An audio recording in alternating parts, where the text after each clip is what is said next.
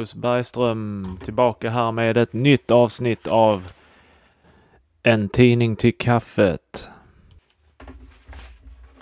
Vad har vi att vänta oss idag? Det finns en massa nyheter. Vi kommer eh, röra allting ifrån överläkare till äventyrare och andra roliga saker. Vi får se vad det handlar om idag. Jag tycker vi kör igång direkt. Och eh, tidningen framför oss vi har det är som vanligt Smålandsbygdens tidning måndagen den 24 oktober 1932. Rubriken lyder Överläkare tar sitt liv för kritik. Sanatorie, sanatorieläkare i Danmark trött på livet. Tuberkulospatienter undernärda efter modern tysk diet. Överläkaren på Spangebjergs sanatorium, TH Brink, be berövade sig på torsdagsaftonen livet. Han var utsatt för häftiga angrepp vari gjordes gällande att patienterna blev undernärda genom den diet han enligt en modern tysk behandlingsmetod tillämpade på tuberkulospatienten. I ett efterlämnat brev till polisen uppger han dessa angrepp vara anledning till den förtvivlade handlingen. Ja, och detta är väl ett... Eh, det var slut på artikeln där. Detta är ju ett klassiskt depressionsfall. ska man nog kalla det. Lite tråkig inledning på dagen, men eh, så var det ju på den tiden. Vi går raskt vidare här tycker jag med nästa artikel som också är en liten uh, olycka. Det är en kolvedsklamp i, mot bröstet. Dödsolycka vid Voxna. Bollnäs. Under kolningsarbete i skogen vid Middagsberget i Voxna på torsdagen träffades 35-årige skogsarbetaren J. Jonsson Westlin från Bollnäs av en fallande kolvedsklamp varvid bröstkorgen intrycktes och Westlin avled efter en kort stund. Westlin efterlämnar familj. Ja, det finns väl inte så mycket att tillägga där. Det är hemskt, helt enkelt. Jag tänkte vi kan ta en liten snabbkoll på eh, de viktigaste händelserna som hände 1932. Eh, det som hände 1932 det är ju att Ivar Kryger eh, som eh, är den här så kallade tändstickskungen som blev enormt rik. Eh, han tog sitt liv 1932 på grund av eh, på grund av eh, ekonomiska problem. Men eh, han tog ju inte, han hade redan tagit sitt liv då, det var i mars han dog och tidningen här är från 24 oktober. Men eh, vid den tiden i oktober så börjar hans, hans egendomar auktioneras ut. Ja, vad händer mer? Adolf Hitler, han får tyst medborgarskap genom en så kallad naturalisering som tillåter honom att köra i valet 1932. Uh, det är Ja, och eh, Gustav Adolf, prins Gustav Adolf gifter sig med Sibylla. Ja, det räcker väl med eh, en dåtidskoll med detta, så vi går vidare till nästa artikel. Ja, vi går vidare med lite roligare, en lite roligare nyhet kanske man kan säga. Det är i Jönköping. Där är en man häktad för skostöld, lyder rubriken. Kriminalpolisen i Jönköping häktade i fredags och lät införpassa till fängelset en före detta maskinist, Gustav Edvard Johansson från Malmö för tillgrepp. Johansson kom förra lördagen i sällskap med en kvinna i bil till staden och bodde sedan på olika resande rum. I torsdags berusade han sig grundligt och under rusets inflytande gick han och stal tre par skor som en person tillfälligt ställt in i en bod. Han gick sedan omkring och sökte sälja dessa. Någon affär blev det emellertid ej. Vart skorna tagit vägen säger den häktade ej, säger sig den häktade ej ha reda på. Han förklarar att han var så berusad hela dagen att han inte vet någonting om vad han haft för sig. Kvinnan står av allt att döma utanför snatteriet. Kriminalpolisen fick igår tag i ett par av de skor som Johansson avyttrat. De båda övriga paren, ett par beigefärgade och ett par bruna barnskor, nummer 25 och 26, efterlysas nu av polisen, som vore tacksam om de som eventuellt fått hand om dessa ville ge sig till känna. Johansson, som är bördig från Forserum, har tidigare varit straffad en gång för snatteri och har vid fem à sex tillfällen varit intagen på Svartsjö. Han är född 1888. Och slut på artikeln. Någonting säger mig att den här eh, Gustav Johansson inte har något jobb utan eh, han skulle nog betraktas vad man idag kallar för ett fyllo. Och eh, det, det, är roligt att lyssna på hur polisen verkligen eftersöker skorna som är ett par barnskor, och beskriver dem och eh, vill att den som vill att den som hittar dem ger sig till känna. Alltså det var ju verkligen i polisens tidiga vagga kan man säga. Det är ju lite annorlunda idag, det vet vi ju själva. Det är ju inte ens en polis som svarar i telefon när man ringer. Nåväl, vi går väl vidare här. Eh, nästa artikel, då får jag prassla lite här med bladen tyvärr.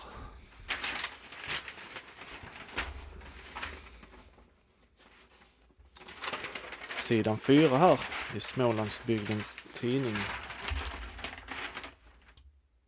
Och då har vi kommit fram här och det första man ser här det är en bild på de här fyra presidenterna som är uthuggna i, i South Dakota. De här fyra jätte, jättestora huvudena av pre, fyra presidenter. Det är den här dansk-amerikanska bildhuggaren Gutzon Borglums arbete. Det var han som högg ut dem ur berget. Då går vi till artikeln här och artikeln lyder Äventyrare som dyker upp. En av vår tids mest kända internationella äventyrare, tidigare rabbin i en ungersk synagoga, präst i engelska statskyrkan, tysk spion under världskriget med mera, Lincoln Trebic, har nu åter dykt upp. Han uppträder som mystisk man i Berlin klädd som tibetansk munk under namnet Shao Kung. Då och då predikar han för buddisterna i staden. Hans förehavande följas med spänt intresse av polisen, ty Lincoln Trebitsch har en otrevlig vana att dyka upp när det stundar till revolution eller andra omstörtningar. Det var väldigt intressant. Jag måste läsa det en gång till. Han, han är alltså en internationell äventyrare. Han är en tidigare rabbi i en ungersk synagoga och präst i engelska statskyrkan och tysk spion under världskriget. Eh, alltså det är ju en mångsysslare utan dess like detta här. Det är intressant. Det finns säkert artiklar om honom som man kan läsa om. Ja, jag tycker att vi går vidare här med en eh, artikel på samma sida som heter Slumpens lek. En utländsk tidning sammanställer några exempel på hur slumpens lek förlåt, hur slumpen leker med människoliv. Sir Ernest Shackleton, den berömde engelska polarforskaren, uthärdade oskadd de oerhördaste strapatser. Han redde sig trots 50 graders kyla, rasande snöstormar, hunger och törst. Sydpolen uppnådde han visserligen ej, men han nådde frisk och kry sitt hemland igen. En afton gick han ut i Londondimman, förkylde sig och fick lunginflammation. En vecka, en vecka senare var han död. Kapten Hindel, före detta officer i kanadensiska armén, genomströvade under två års tid de, afrikanska vildmarkerna och nedlade bland annat 25 lejon utan att någon, något hände honom. I november 1896 inskeppade han sig till Kanada och slog sig ner i Montreal. Några veckor efter hemkomsten besökte han sin bror vars lilla knähund bet honom i vaden. Det visade sig att hunden led av rabies och Hindi, Hindel dog under ohyggliga plågor. På liknande sätt gick det med den ungerska storviltjägaren greve Viktor Tjetjenij. Han gjorde flera jaktresor till Afrika och hemsände ytterst rika byten. Åter hemma på sitt gods gick han en dag ut för att jaga. En hare visade sig och jägaren tog upp bössan till kinden men snavade i samma ögonblick mot en jordkoka. Skottet gick av och träffade honom mitt i hjärtat. En hare hade hämnats alla lejon, elefanter och noshörningar.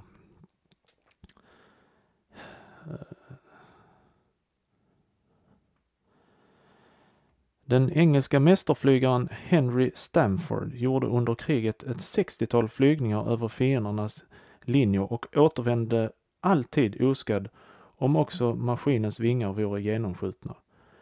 Kort efter freden roade sig Stamford med att gunga i parken vid, sin, vid sitt fädernes slott. Gungrepet brast och Stamford bröt nacken. Engelsmannen George Whitney var känd som besegrare av en mängd bergstoppar i Alperna, Kaukasus och Himalaya. Han höll en dag i en, i en engelsk stad ett föredrag om sina alpinistbragder. När han efter föredragets slut skulle stiga ner från den 30 centimeter höga podiet snavade han, bröt båda benen, ådrog sig en hjärnskakning och dog kort efter av sviter efter olycksfallet. Det var slut på artikeln här. Ja, det, de här artiklarna talar ju verkligen för sig själv. Det är ju helt otroligt. Vilken slump. Men eh, man kan ju kalla det lite otur också.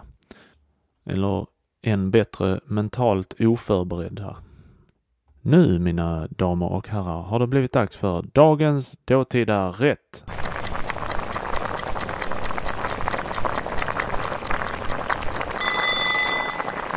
Jag har rotat runt här i Hemmets kokbok som jag brukar läsa ifrån. Det är recept nummer 13. Det är ännu en soppa. Det är Jenny Linds soppa för sex personer. Då behöver man ingredienserna 3 matskedar tapiokagryn, 2 liter blandad kalv och oxbuljong, salt, vitpeppar, inom parentes socker, 1 deciliter tjock grädde en äggula. Beredning. Grynen sköljas i kallt vatten. Läggas i den kokande buljongen och få koka tills de är klara. Soppan avsmakas. Äggulan vispas upp med grädden i soppskålen och soppan slås till under stark vispning. Tapiokagrynen kunna utbytas mot en redning av arrowrootmjöl. Det var lite svårt den. Arrow, arrowrootmjöl. Det är ju inte ett recept man ser ofta med eh, tapiokagryn. Det är ju de, tapiokagryn är ju de man använder i de här nya bubble tea eh, restaurang eller eh, kaféerna som öppnar lite överallt nu för tiden. Det är ju den nya trenden. Bubba te eller bubble tea. Jag älskar för övrigt bubble tea. Det är så gott. Speciellt med de här eh, eh exploderande gelébitarna. De är riktigt, riktigt goda. Det var dagens dåtida recept. Och nästa vecka tror jag att vi går in på lite matigare rätter om till exempel eh, ja, fläskkotlett eller något sånt. Det behöver, jag har ju tagit så många soppor. Vi får variera oss lite. Det blir något köttigare, så mycket kan jag avslöja. Vi går vidare här. Vi går vidare till en rubrik som lyder Den allra äldste.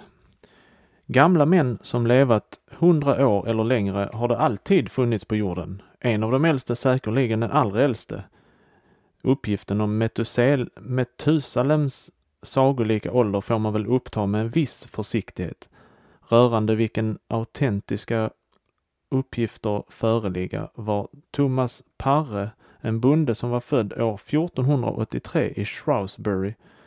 Han uppnådde en ålder av 152 år och 9 månader och överlevde nio konungar. Han drack aldrig tunga eller berusande drycker utan företrädesvis mjölk och åt mycket ost, smör och kött. Han besökte icke under hela sitt liv någon läkare. När han var hundra år gammal, gifte han sig med en vacker bondflicka som fyra år senare skänkte honom en son. Det omaka äktenskapet blev emellertid icke alltför långvarigt.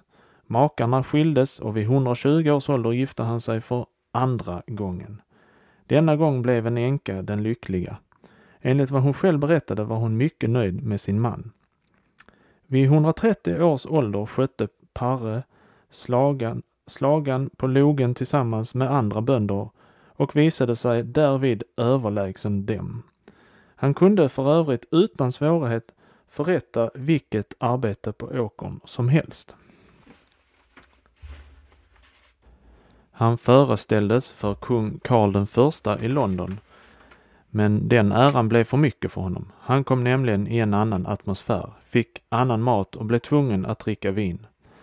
När han en dag den 5 november 1635 var inbjuden som gäst till greve Arundels bostad och där förevisades för de höga lorderna som ett underdjur fick han ett slaganfall och dog. Hans lik obducerades varvid det befanns att alla inre organ voro sunda. Läkarna vore enhälligt av den åsikten att han kunnat leva ännu många år om han ej druckit vinet och ätit den för honom olämplig, olämpliga goda maten. Slut på artikeln. Ja, vänta lite här nu. Det är någonting som skriker en ding-ding-värld över detta. Ni vet den här tidningen som kom ut på 90-talet eh, eh, med sådana här stora rubriker. Jag, gift, jag gifte mig med en utomjording och så såg man en suddig bild på en utomjording i en soffa.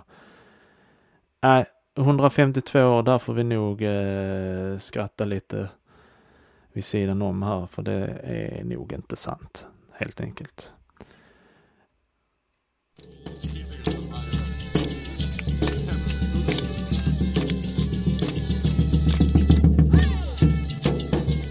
Den melodin mina damer och herrar, det är faktiskt eh, mitt nya intro på eh, veckans Viking.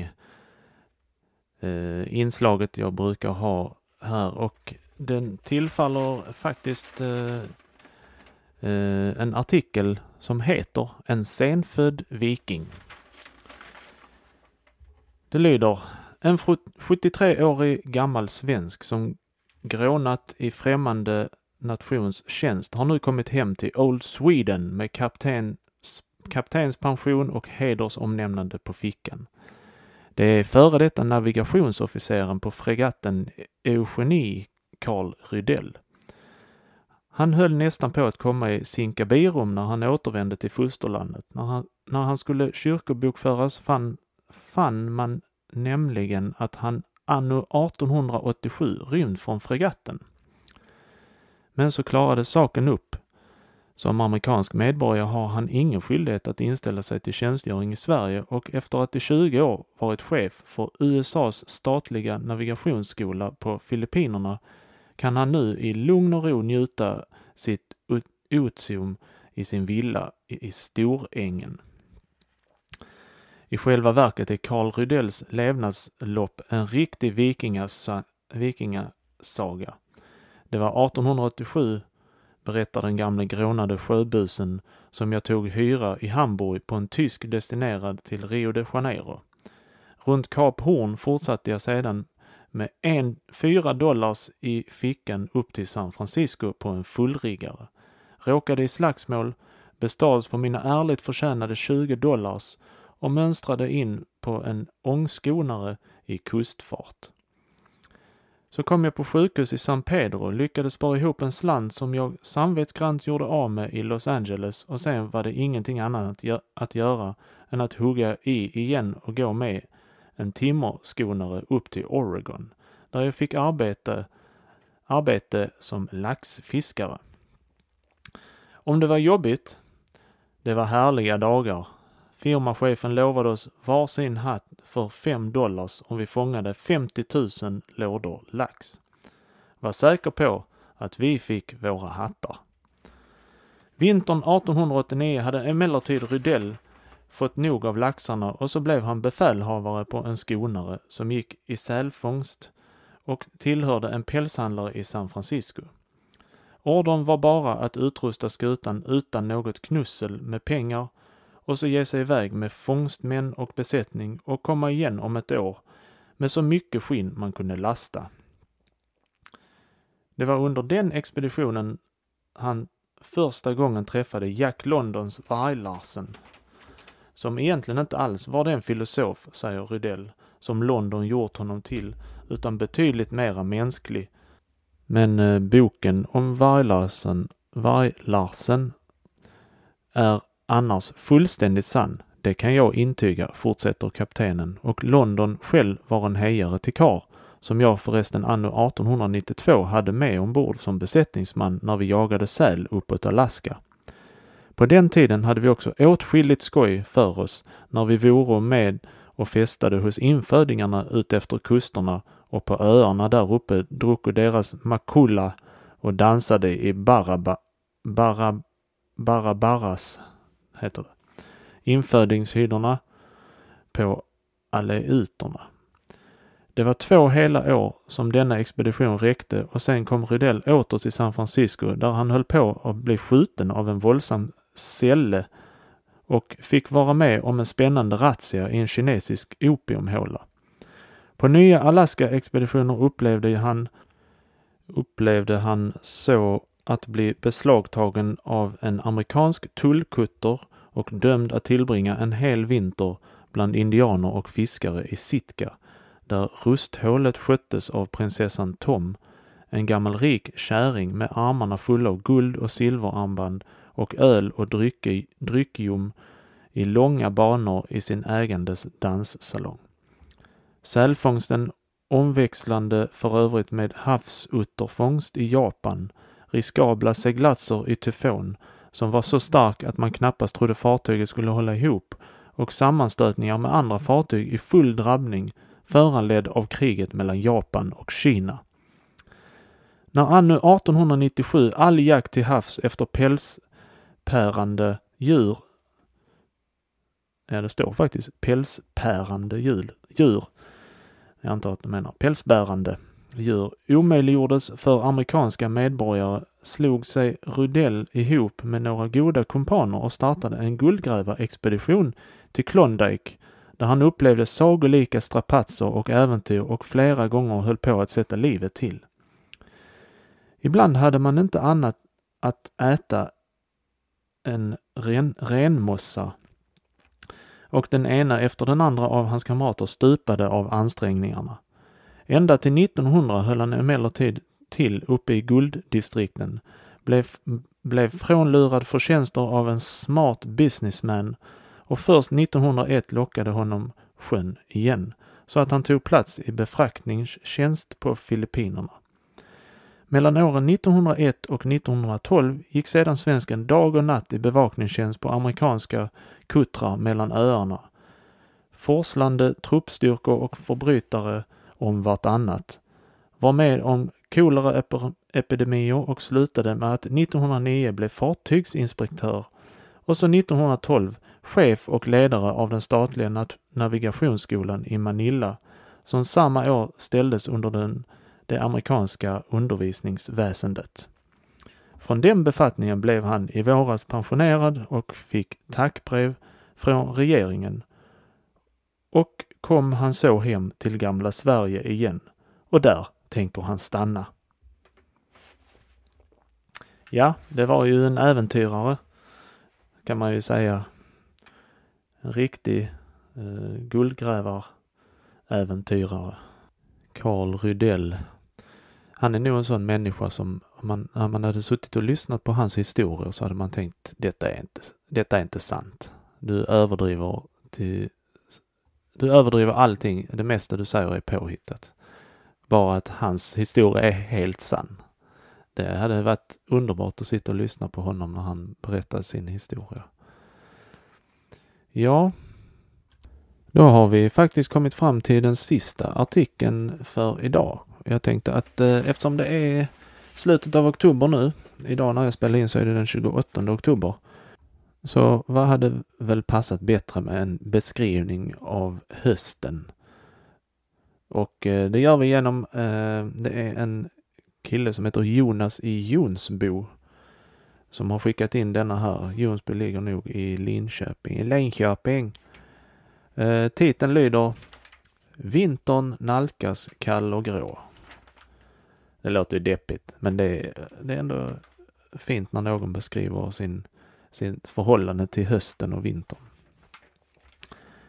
Det är strid och oro i luften. Vinden far omkring med bärsärkarhumör och löven slitas loss från kvistarna. Nej, jag bara skojar. Jag ska, jag ska eh, inte prata linköpingska.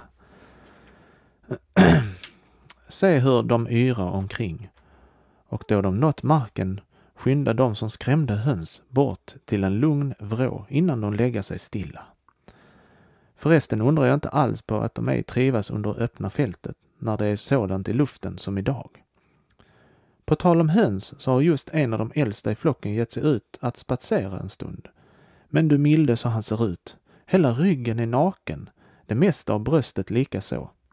Av skärten återstår blott en enda fjäder som på en ett nästan skrattretande sätt pekar i vädret. Fula grå taggar sticka ut ur det skrumpiga skinnet. Kammen är liten och grå och hela uppenbarelsen talar om frusenhet, värnlöshet och ynkedom. Vad naturen är grym som gör våra hönsfåglars ruggning till en sådan förnedringstid. Grågässen har flugit mot söder, nu skrida tunga skyar fram under fästet och skrida långsamt och allvarligt som ett sorgetåg över en kyrkogård. Och visst är det begravningsstämning. Sommaren är död och all hans vägring jordfästes så fort sig göra låter. Det kan inte hjälpas att förgängelsen nu härjar bland allt som vuxit och frodats. Vintern nalkas kall och grå, som vår rare Topelius kvadom i barnavisa en gång i tiden. Det fordras tjockare kläder och mera aktsamhet. Min vandring leder bort mot skogarna. Där inne är det lugnt och skönt, ty de många träden hejdar blåsten i hans framfart. Eljest ligger det ju även här en matta av löv på stigarna, fuktiga och våta, färdiga att ruttna och bli till jord. För den segrande vintern kan ingen gömma sig, men granarna och furorna är säregna de behålla året om sin mörkgröna dräkt och fråga inte efter antingen stammen är kälad eller mjuk. Tack vare barrskogen saknar landet aldrig någonsin grönska. Den kan kläda sig vitt när snöfallen komma, men står åter i ursprungliga skrud efter tövädrens tvagning. Och snart skola vi hämta in ett av hans barn och stå såsom julträd i helgdagsrummet. Ja, det är vackert. Det är en eh, väldigt, den är lite melankolisk men den är ändå vacker den beskrivningen för eh, liksom man säger hej då till, till det som har varit och välkomnar ändå det som komma skall. Ja, det var alla artiklarna som jag hittade i tidningen denna gången, men jag eh, tänkte jag skulle avsluta Innan vi avslutar så kan jag läsa några roliga annonser eller de är inte jätteroliga, men det är i alla fall en rolig eh, inblick i hur annonserna lät förr i tiden. I Nässjö, eftersom detta är Smålandsbygdens tidning, som är för Jönköpings län och Vätterbygden. Eh, I Nässjö har de en tipptopp verkstad till er tjänst med stora bokstäver. Vid vår modernt utrustade bilverkstad med tidsbesparande specialmaskiner utföra yrkeskunniga och samvetsgranna mekaniker varje reparation snabbt och billigt. AB Bilkompaniet i Nässjö. Ja, är det någonting de inte är idag så är det samvetsgrannar. Det vet man ju när man lämnar in sin bil på service nu för tiden så kostar det ju skjortan. Bara för en vanlig service. Alltså ingen, inte ens där de byter ut något speciellt. En, bara en oljeservice kostar 7, 6, 7 tusen beroende på vilket bilmärke man har. Men det är ju fint med samvetsgranna reparatörer. Uh, all slags skrivmateriell köpes förmånligast hos Fridolf Eiffel, Anneforsvägen i Nässjö. Och så kan man köpa frukter, konfektyrer, tobaksvaror, tidningar med mera i goda kvaliteter och stor sortering köpes förmånligast i kiosken vid Stora bron. Vi kan avsluta här med allra sista annonsen här. Det är en jättestor artikel. Den tar säkert upp en fjärdedel av en sida här. Det är Dranges som eh, skriver Dranges säljer kappor under årets alla 52 veckor. Denna försäljning grundar sig inte på någon lycklig tillfällighet, exempelvis förvärvandet av någon fabriksslump. För att kunna betjäna våra många kunder måste lagret alltid vara sorterat och hållas kurant. Glöm ej våra säsongdagar. Dranges kappaffär. Att detta uppskattas framgår bäst av att vår firma är den största och ledande i sin bransch i våra trakter. Ja, det är mycket eh, kapp. Det är mycket klädesannonser i de här tidningarna märker jag. Det är väl för att vi har ju vi har ju det klimatet vi har. Jag säger det finns nog inga speciella... Nej, vi kan säga så för idag då. Tack så jättemycket för att ni har lyssnat eh, på detta avsnittet. Eh, ni får jättegärna skriva till mig och berätta vad ni tycker är bra och dåligt. Jag kommer att ta emot allting med tacksamhet. Eh, ni får gärna skriva om det är någonting mer ni vill höra eller något sådant. Eh, jag är öppen för det mesta. Jag hoppas inte det har låtit tråkigt detta här utan att ni kommer lyssna än en gång på nästa avsnitt. Jag ska försöka lägga ut de här avsnitten ungefär en gång i veckan. Vi får se om det går. Men tack så jättemycket för detta och eh, ha det underbart. Hej då!